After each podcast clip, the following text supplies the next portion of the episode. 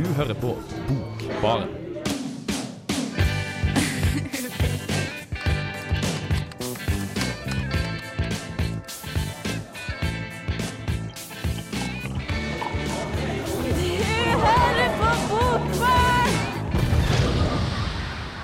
Du hører på Bokbaren, altså. I eh, studio i dag er det jeg, Vida, og Eline. Hallo. Hei, Eline. Som skal eh, ta deg med inn i eh, litteraturens eh, utrolig spennende verden. Vi har med litt av hvert i dag. Vi har med en langsang. Og enda en langsang. Og en kanskje ikke så kjempedårlig krim fra Trondheim. Kanskje ikke kjempebra krim. Det er alltid bra å være litt positiv til ting når Ja. man leser. Eh, vi skal begynne rett på med en eh, langsang, faktisk. Eller et langdikt er det vel egentlig vi har. Vi skal begynne med ukens dikt, og denne gangen er ukens dikt av Erlend O. Nødtvedt. Og det er hentet fra hans andre bok, som heter 'Bergens beskrivelse'. Men før det så skal vi få høre Dunes med Jukebox. Hei, dette er Jostein Gaarder. Du hører på Bokbaren i Radio Revolt.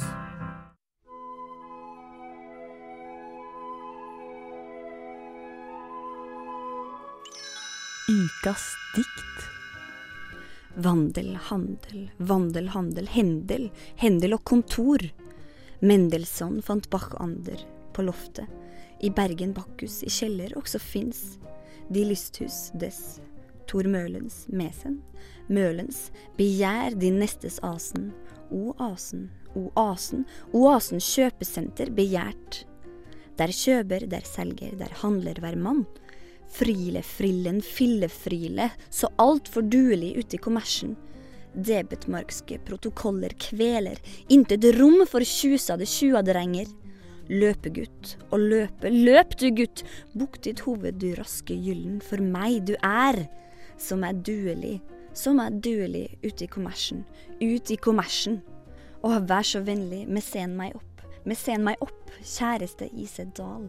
Ise Da, Dal, Jod. Klausen. Og til klausuler kontoret, bergfester Bergen med kontoret, klausulerer hele min tilværelse, mitt forværelse full, mitt forværelse full av dankert, vollert, dankert, vollert, kron, benken, dynner, benken, gyldenkrans, brunkorst, riber, mominkel, vedele, kars, frile, fasmer, frile, fasmer, Grieg, Wendsel, Vestfold, Larsen, Larsen, Lars Vestfold, like fullt vest. Men også fall, fall, Vestfall vest. Kegari Larsen, proletaren, proletaren. Herr Larsen, kødder du, heter du Larsen? Nei, nei, Vestfall-Larsen. Alt dette er greit, vest er falt, men du heter Larsen? Nei, Vestfall, vollert dankert. Åh, for dukkar bryter jeg streiken. Uansett, det private initiativ forever. Des bergs, de mest velsmakende bær. Bær over oss, kjære Gud, og kjør oss opp på skipsaksjer da.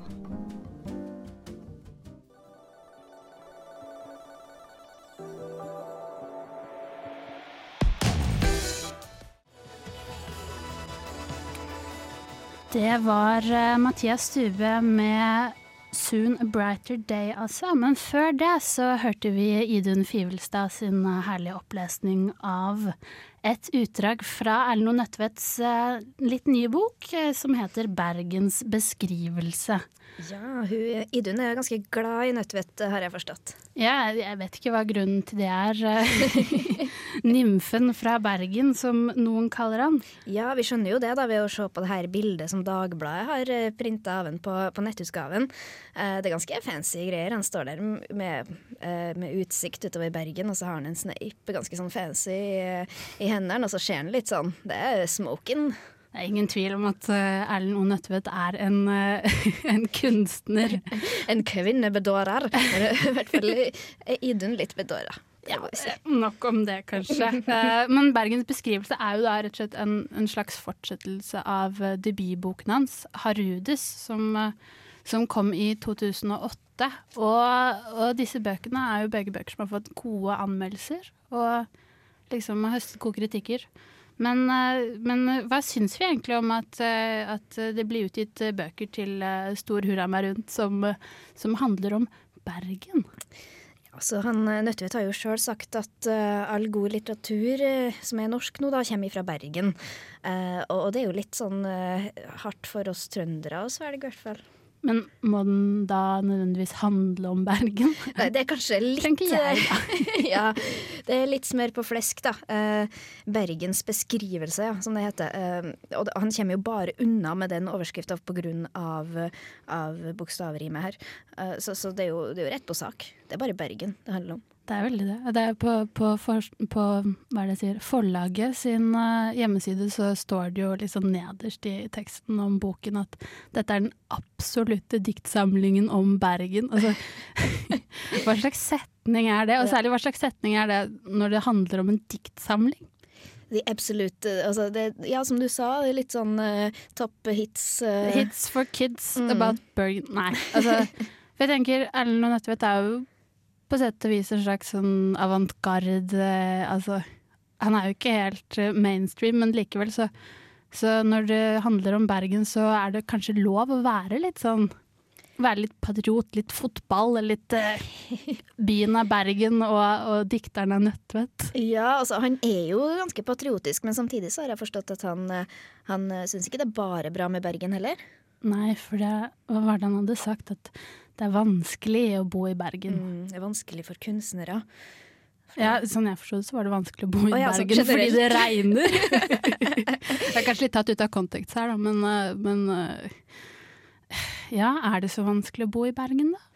Det, altså, det er jo eh, det Han sier jo liksom at det er at den byen her har ikke utnytta sitt fulle potensial. Nei. Og, og det, jeg vet ikke så veldig mye om Bergen, men kanskje han har rett. Og, og kanskje han ikke helt har funnet sin, eh, sin eh, rolle som kunstner i, i Bergen. Nei, men det er jo kanskje det han prøver å, å lage, da. For han, han prøver jo å lage en slags mytologi, en slags eh, et rom for eh, Ja. Bergen. Hva var det han sa at han skulle lage en Ja, han, han sa i hvert fall at eh, han selv setter seg inn i en slags eh, tidløs eh, kontekst, da. Ja, for det er både altså det er veldig mytologiske og både bibelske referanser her. Eh, Det er, altså, han tar um, og sier at byenes by i Norge er Bergen, samme som Roma var. sant? Og, og så er det litt sånn, du kan tolke det litt bibelsk da, med tanke på at vi har en skapelse og en dommedag og en gjenoppstandelse også. Eh, Så han trekker sånne store linjer. Det høres jo litt eh, kjent ut, for litt tidligere semester her så hadde jo jeg med meg Jon Fosse sin eh, Olavs draumar, og det er jo nettopp det han gjør i, eh, i Olavs draumar. Altså, han lager et slags sånn tidløs uh, En slags tidløs Bergen-kulisse, hvor han lar handlingen sin skje. Han må ikke tro han er først ut, men da. Nei, hva er dette behovet altså, for, å, for å beskrive Bergen og, og, og byen? Ikke vet jeg. I hvert fall så, så skal vi litt eh, videre innom Bergen. Eller ikke akkurat Bergen, da. Men til en dame som har gått på en av de store litteraturinstitusjonene i Bergen, nemlig Skrivekunstakademiet. Og det er Aina Villanger.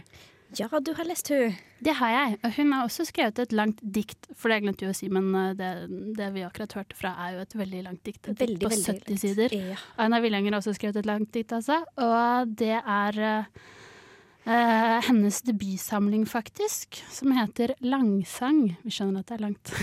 Et flytende habitat. Vet du, Det er veldig sånn der konkrete titler. Bergens beskrivelse, langsang. Ja, Veldig greit for leseren. Altså. Du vet hva du får. Eh, og det du får i Aina Villangers eh, tilfelle, det er noe som er skikkelig bra. Jeg tror ikke jeg kan få sagt nok. Jeg liker det kjempegodt. Eh, den ble gitt ut på oktober i år. Og nå skal vi få høre min anmeldelse av den, og etterpå så kommer det en sang som heter I'm a Man med Mac DeMarco. Aina Villanger har skrevet diktboken 'Langsang' med undertittelen 'Et flytende habitat'. Det er en tekst som tar opp starten av menneskelivet, men også starten av verden og utviklingen dens. Langsang er delt inn i tre deler, og teksten er som tittelen tilsier, ikke en samling enkeltstående dikt, men verselinjer som er forbundet med hverandre og danner en enhet. Innimellom hovedteksten er det små, innskutte setninger i kursiv som kommenterer teksten, men mest er diktene som en lang sang, altså. Denne sangen starter med en slags lyrisk fødsel. Brått blei det høl i hinna. En foss av rødt rant ut spjæla hud. Med fjeset dekt av folie drukner du i landet med luft. Strengen som var brua tilbake, slitt i over, forbindelsen bryter. Nå var du ikke lenger en parasittisk celle av et foster. Så begynner barnet å puste, Forrangle og tåteflaske og morsmelk fra, som Villanger skriver, knappen med lykkesaft. Villanger skriver som at barnet er et du. Altså er det et du som blir født, og et du som hun tar med videre ut i verden i boken. Så bærer de videre gjennom langsang ned i havet, hvor det er anemoner, krill, og så ut i golde landskap. Etter hvert kommer teksten frem til en annen begynnelse, eh, med et ganske episk utgangspunkt av typen Før noe blei til noe, var det ikke noe som var noe. Et punkt var det hele. Og etter at Villanger har etablert hva som er verdt, får man en grei innføring i verdens tilblivelse. Hvor hun bruker begreper fra fysikk og kjemi og biologi, hvor gasser og kosmosstøv og tåkefusjon og ellipser blandes sammen i teksten. Og hun sier at dette er sånn verden, jorda, oppsto. Så kommer det en videre planter og en hel rekke av jordens utviklingstrinn. Kjente trinn som Villanger guider den som leser trygt igjennom. Det er nesten en pedagogisk gjennomgang av evolusjonen. Utviklingen i langsang skjer omtrent i samme takt som i en episode av TV-serien Det var en gang et menneske. Det er glidende forandringer som enkelt og på bestemt vis blir til neste trinn i utviklingen. Det er fra urcella til Homo erectus, til neandertalerne, til Homo sapiens. Og dette må nesten ende opp i konklusjoner av typen Jul blei romferje. Morter blei atomkraftverk. Flokk blei familie, blei klasse, blei subjekt. Resultatet blir en følelse av oversikt hos leseren. Når Villanger skriver sin verden i diktene, er den logisk. Den er bygget opp av dette og dette. Den startet med noe som ble til noe også. Kanskje er det en slags ironisering over akkurat denne måten å bygge opp verden på, og dette historiesynet. For kan det være så enkelt? Men igjen, det kan hende at hun heller spør seg hadde det ikke vært fint om verden hadde vært så klar og tydelig. Å lese langsang er behagelig, for Villanger har på en måte turboen på når hun skriver. Det er et driv i språket, og hun får til, gjennom ordvalg og en viss takt og rytme, en god leseflyt. Bildene som hun viser frem i teksten er klare og enkle, og for det meste utrolig fine. Diktene er skrevet på dialekt, en slags eh, grenlandsdialekt ifølge forlaget. Den er litt pussig og langt fra formell, og den virker levende og ganske morsom. Den er også litt grov og ru og gir god motstand mot fagbegrepene hun bruker for å beskrive verden. Den fagterminologien hun bruker, virker ikke som tankeløst forsøk på å gi teksten relevans og seg selv som forfatter autoritet. For låneordene fra fagfelt som fysikk og kjemi bruker hun henslengt og ganske naturlig. Og Villanger har autoritet når hun skriver. Både når hun snakker til duet, som jo blir født, og når hun gjenforteller verdens historie. Å lese langsang gir en følelse av å få være med på noe. For leseren blir dratt med av et godt språk, av fine, pussige bilder og lure ideer. I boken finner du rett og slett upretensiøs leking med evolusjon og språk og følelser. Og det gjør langsang, et flytende habitat av Aina Villanger, til en skikkelig god diktsamling.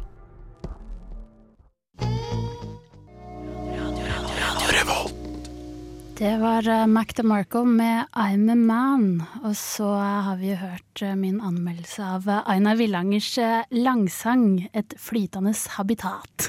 Og det var, en fin, det var et fint dikt, var ikke det? Jo, det, var, det er deilig å kunne si det, at dette likte jeg veldig godt.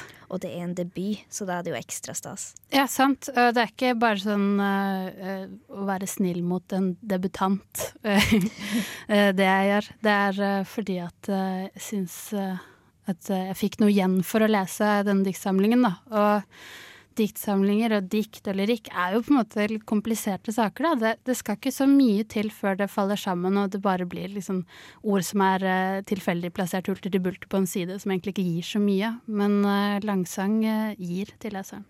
Men hun, hun benytta seg av litt sånn der fagut... Eller ikke faguttrykk, kanskje, men litt sånn der um, begrep fra naturen og sånn. Ja, hun gjør jo noe som, eh, som eh, vi eh, har snakket om at andre forfattere gjør også. For eksempel eh, i 'Hvalfall' av Mhm. uh, han som uh, Som jeg ikke klarte å huske navnet på sist sending. Uh, Haga, tror jeg han heter. Haga Rævafall Hval. Ja. Eller noe sånt. Ravafall, Rævafall. det- Nå tror jeg du lager et nytt ord. Vida. det, det var dagens bokstavrim. Um, jo, å bruke naturvitenskapelige begreper og ting som ikke nødvendigvis har med de store sentrallyriske temaene å gjøre uh, automatisk, da. At du, du kaster kanskje vekk uh, ord som elske og føle og, og ta på og kjenne, men så og bytter det ut med ja, eksempel mitokondrier eller eh, eller eh, kosmosstøv eller tåke, jeg vet ikke hva. Cytoplasma. Ja. Eh, Det høres jo veldig fancy ut, kanskje, men, men så er det vel lett å bli gjennomskua også, hvis du bare kaster rundt deg med de her begrepene. da. Ja, sant, for jeg tenker at det kan veldig lett brukes som slags sånn krydder i teksten. da. At det er en måte å gjøre seg selv viktig på. At eh, hør på meg, jeg, jeg kan eh, Jeg vet hva et mitokondrie er, liksom. Eh, men Så jeg tenkte at det er en lett følge å gå i å prøve å gjøre seg selv viktig på den måten, og det syns jeg ikke Aina Villanger gjør, for hun bruker, bruker disse begrepene på en så utrolig fornuftig måte. Hun har jo en god, en god hånd når hun skriver, så det gjør også at man tror på at det hun sier er, er sant, da. Og som vi var inne på tidligere, han eh, Nødtvedt, eh, hans eh, bok kunne sammenlignes med en litt sånn skapelsesberetning, og det samme er sagt om et flytende habitat. Ja, bortsett fra at her er det ikke en by, her er det jo rett og slett hele verden. Fra den, den minste lille uskjellen og så, utover. Eh, Og det lager et slags rom, da, fordi at eh, når man er vant til å høre eller lese skapelsesberetninger fra før av, så er du vant til at, at tiden starter her, sant?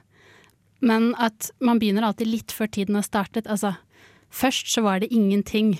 Og så begynner du litt før det var noe først, ikke sant? Med at det var bare mørke, det var ild og det var is. Og det gjør jo på en måte Aina Villanger her også. Uh, og jeg tenker at det blir eh, et sted hvor, eh, hvor hun kan kaste rundt seg med ord og, og være litt sånn utenfor tiden, samtidig som hun jo også etter hvert kommer liksom opp i, opp i menneskehetens historie og, og fram til en fødsel og ja, i det hele tatt. Store linjer, med andre ord. Veldig store linjer. Um, hvordan er det nå? Vi har jo litt eh, andre ting på plakaten. Noe helt annet, egentlig. Ja, det? er veldig annerledes, altså. Men han er også Eller han er ikke en debutant lenger nå, da. Eh, Det, han har vært debutant, som de fleste forfattere. Eh, Han har kommet ut med sin andre bok, og han heter Jørgen Brekke. Den boka heter 'Drømmeløs', og den har jeg lest, da. Ja, Og det er krim, er det ikke det? Det er krim. Kjempebra, nå som påsken nærmer seg. Ja. um, Jørgen Brekke er blitt beskrevet som Norges nye krimstjerne. Det er han ikke. det tror jeg vi kan, vi kan si med en gang. Men, men altså, det har sin, den har sin verdi. Og det begynte jo da med 'Nådens omkrets', som var hans uh, debutroman. Uh, det, det var en, eh, kanskje en litt bedre bok, egentlig, enn 'Drømmeløs'. Og, eh, og jeg har jo snakka litt med Jørgen Brekke også. Mm. Du møtte han i fjor sommer. Mhm. Jeg tror bare rett og slett vi skal høre på ditt uh, intervju med Jørgen Brekke. Først så skal vi føre 'Don't Walk Upon My Ground' med Kari Harneshaug.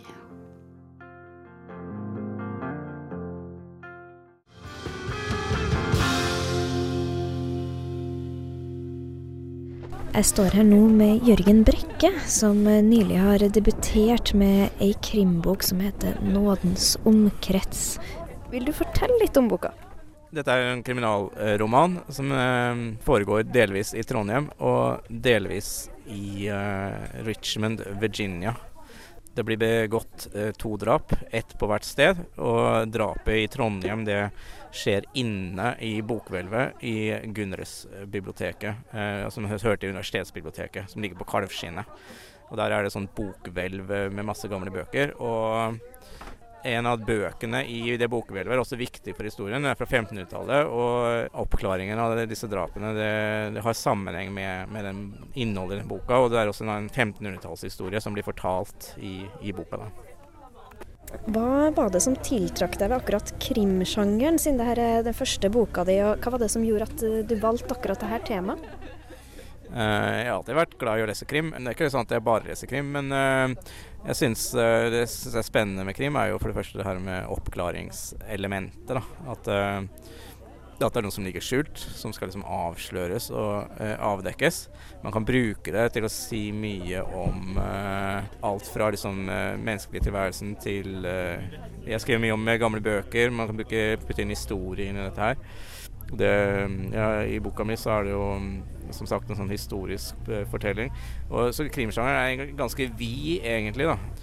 Man kan uh, fylle det med ganske mye uh, ulikt innhold, samtidig som det er en sånn tydelig formel på hvordan det skal gjøres. Sånn at det er noe som er fast, og så er det noe som er liksom, rom for kreativitet. Da. Så det er en sånn, også en sånn underholdningssjanger, så tillates det at man bruker litt mer fri fantasi kanskje i, i mer sånn realistisk litteratur. Og det, det liker jeg veldig godt. da.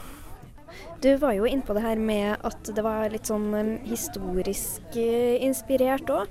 Det er jo noen paralleller fra 1500-tallet og litt sånn. Har det historiske hatt mye å si for det? Ja, det har veldig mye å, å si, egentlig. Den første ideen var at jeg skulle skrive et eller annet om uh, gamle bøker, egentlig. Og og at jeg skulle lage en, en, gammel bok med et e, eget innhold som hadde betydning for eh, etterforskninga. Det var liksom grunnideen. Så det har vært veldig viktig det med det historiske. Og jeg har alltid vært veldig interessert i historie. Da. Så, mm. Ja. Og så har jeg jo Det går jo ikke an å unngå å legge merke til at det er veldig mange lokale ting i denne boka. Hvorfor valgte du akkurat eh, Trondheim, og hvordan var det å skrive så, om sånne lokale ting, da?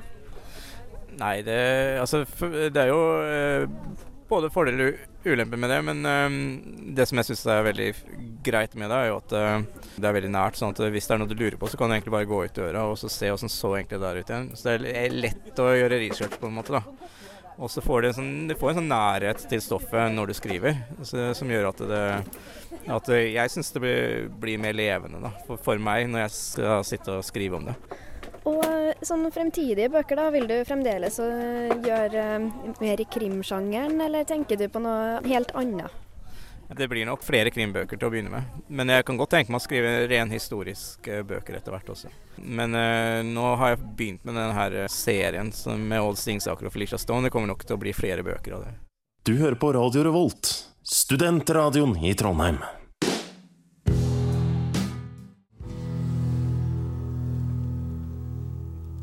Det var uh, Luke Roberts med 'His Song'. Og nå har vi hørt uh, Eline intervjue Jørgen Brekke. Og det intervjuet det fant sted uh, i fjor på Litterær hagefest på Adrianstua. Og det handlet jo da om hans forrige bok, 'Drømmeløs'. Ja, den forrige boka het 'Nådens omkrets'. Ja. ja. men den, eh, den, nummer to er 'Drømmeløs', da. Eh, da jeg snakka med en, så var det ikke så veldig lenge siden han, han hadde gitt ut 'Nådens omkrets', og det var i 2011. Så allerede året etterpå så har han nå kommet ut med sin andre bok. Det, ja, vi kan kanskje si mer om det senere, hvordan det har gått. Men, men 'Nådens omkrets' Er det også en krimbok? Ja, eh, greia er at det her er Du kan se på det som en serie, fordi det er de samme karakterene som går igjen. Og, og det er et visst eh, sånn eh, hendelsesforløp, da. Som, så det lønner seg å lese førsten først, og så ta dem som kommer i sin rekkefølge. Ja, Det er et sånn klassisk eh, krimopplegg, da. At uh, det skal være liksom, kontinuitet i bøkene, og de skal helst spys ut i rask rekkefølge, sånn at leserne aldri blir mette. Ja, spys ut. Det er det, det, det virker som han har gjort. Uh, jeg syns det er litt virk, Jeg ble litt skeptisk, da, for jeg syns det var litt raskt å gi ut uh, bok nummer to allerede i år. Uh, fordi at det var åpenbare ting ved den første boka som kunne ha blitt forbedra. Og da trenger du litt tid på det til å, til å forbedre ting. Språket blant annet er kunne gjort bedre, altså. Ja, for han jobber eh, ellers som frilansjournalist, ikke sant? Han gjør det, og det skinner litt gjennom, fordi språket kan virke veldig platt, og så gir han på en måte alt til leseren noen gang og ramser opp fakta. og Og, og det er ikke så veldig fargerikt, det her språket, da. Og det minner litt sånn om sånn som en journalist ville ha skrevet. Mm. Eller en som er i omsorgsyrket, som står på, på hjemmesidene. Jeg lurer fælt på hvilket yrke det er, for det er et bestemt yrke. Men ja, eh, nok om det. Men han er jo, altså jeg skjønner at han er i omsorgsyrket, for han virker veldig koselig. Jo, jeg har sett bilder av han da. Han er Ja. jo helt nydelig, virkelig. Han ser jo så koselig ut, og jeg tror han er det også. Så, så sprang han rundt bare hagefesten med hatten sin, og krøllene sto til værs og sånn, og det er veldig vanskelig å, å kritisere han. Eh, men, men det har jeg følt at de måtte ha gjort, fordi at eh, det her er kommers. Ja, når han så, når han ser så søt og, og likende ut og jobber i omsorgsyrket, eh, kan han skrive troverdig krim da? Altså, det handler ikke krim om å liksom drepe folk og være slem og sånn? Oh, jo da, men han kan det òg, skjønner. Han, eh, han, han er ganske dramatisk eh, i bøkene sine, og spiller litt på det, da. Eh, Det er jo også egentlig et eh, typisk trekk. Han, han eh, spiller på veldig dramatiske virkemidler, og så er det enkelt å lese og en spennende historie. Uh, og, og det går jo hjem hos folk, men språket er ikke helt bra, og karakterene er heller ikke Og ja. Ja, men eh, han, det som han, jeg syns han skal ha ros for, er å prøve seg på det her, den parallelle handlinga. Det er en handling som går tilbake til 1700-tallet, og så er det en handling som foregår i nåtida. Og de her opp, setter lys på hverandre, da. Og sånn var det også i den første boka, og det er jo litt morsomt. Ja, for du har jo anmeldt nå den andre boken, Mm. som heter 'Drømmeløs'. Det heter den, vet du. ja, eh, jeg tror vi skal høre på anmeldelsen din, da. Hva du eh, har å, å si om dem. Er det noe du har lyst til å si før vi hører den? Um, den, altså, Drømmeløs kan være bra hvis du, hvis du er klar over hva eh, som er dens fordeler, og hva den som er ikke helt bra. Og hvis du velger å bruke den deretter. Det blir spennende. uh, vi skal høre 'Monotony' med Willis Earl Beal, og så hører vi hva Eline syns om eh, Brekkes 'Drømmeløs'. Hysj. Hører du det? Det, kjære lytter, er lyden av salgsinntekter. En stødig, inngående strøm av blankpussa, klirrende mynter. Ja, det er lyden av suksess, av rikdom og kommers. Det er nettopp denne lyden som polerer øregangene til forfatter Jørgen Brekke, som bare ett år etter sin første utgivelse nå har fullført sin andre bok om politimannen Odd Singsaker. Krimromanen har fått tittelen Drømmeløs, og i likhet med Brekkes debutroman Nådens omkrets følger vi her to hendelsesforløp. Den ene handlinga foregår i Trondheim på 1700-tallet, mens den andre foregår i nåtida i Trondheim. Denne gangen står Singsaker ovenfor en morder som ikke bare har drept sitt offer, men han eller hun har også fjerna stemmebåndene til liket, og, paradoksalt nok, lagt igjen en spilledåse med en særegen melodi på åstedet. Handlinga som utspiller seg på 1700-tallet, kaster gradvis lys over handlinga i nåtida, og avslører historien til en mystisk vuggevise. Stemmebåndene hadde han tatt vare på og lagt i et glass med sprit. Det sto foran ham på bordet, og han hvilte blikket på de rosa hinnene i bunnen av glasset. De så ut som et ennå uoppdaget sjødyr, en dyphavskorall. Av og til trodde han at de beveget seg, som om de gjorde seg klar til å synge. Det her er oppskriften på en Ja, der er den lyden igjen. Salgssuksess. Historien er meddrivende, lett å lese og spennende med dramatiske virkemidler, og ved å legge handlinga til Trondheim frir Brekke litt ekstra til trønderne blant oss.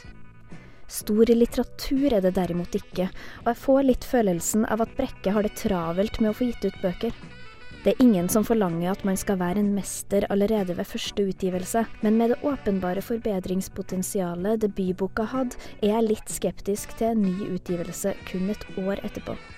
Her kan det se ut som om det er noen som er ute etter å tjene penger, fort og gæli. Karakterene kan fortsatt virke endimensjonale, og uten å røpe for mye, så vil jeg si at Brekke har benytta seg av et noe billig triks hva angår morderen og hvem det er. Språket er ofte platt og preges noen ganger av oppramsing. Brekke burde ha brukt mer tid på å reflektere rundt begrepet show don't tell. I likhet med debutboka brukes steds- og gatenavn i Trondheim aktivt for å øke troverdigheten, og selv om det fremdeles kan virke litt konstruert, har Brekke denne gangen modifisert seg nok, sånn at man unngår det helt store stedsnavnsrunkeriet som preger deler av første boka. Når det er sagt, er du ute etter underholdning og en spennende fortelling, kan du godt lese 'Strømmeløs', men det handler om å vite hva man går til. Til nå så har serien om Odd Singsaker kunnet minne om litteraturverdenens svar på en Hollywood blockbuster-film. Det er ikke tvil om at bøkene er godt likt, for selv, det gjør de jo.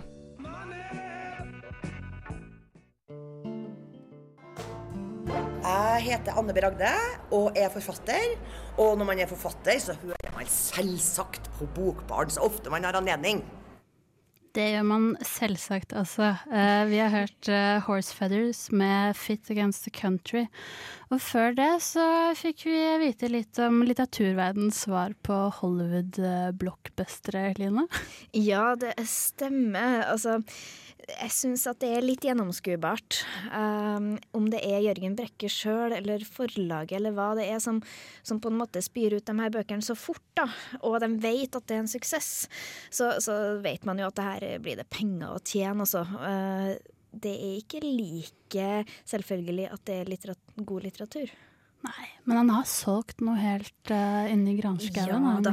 Eh, Den her første boka, 'Nådens omkrets', er jo solgt i 40 000 eksemplarer. Uh, og er blitt, skal- er blitt solgt da, til ti land, så den skal bli oversatt til ganske mange språk også. Uh, og, og har vært hovedbok i to bokklubber og vant Nordlys debutantpris, og det er ikke måte på. Det er jo helt crazy. Altså, han må jo da rett og slett ha tjent seg ganske så rik på eh, å skrive bøker. Ja. Noe som kanskje er en sjeldenhet eh, ellers. eh, I hvert fall av de bøkene som vi pleier å anmelde.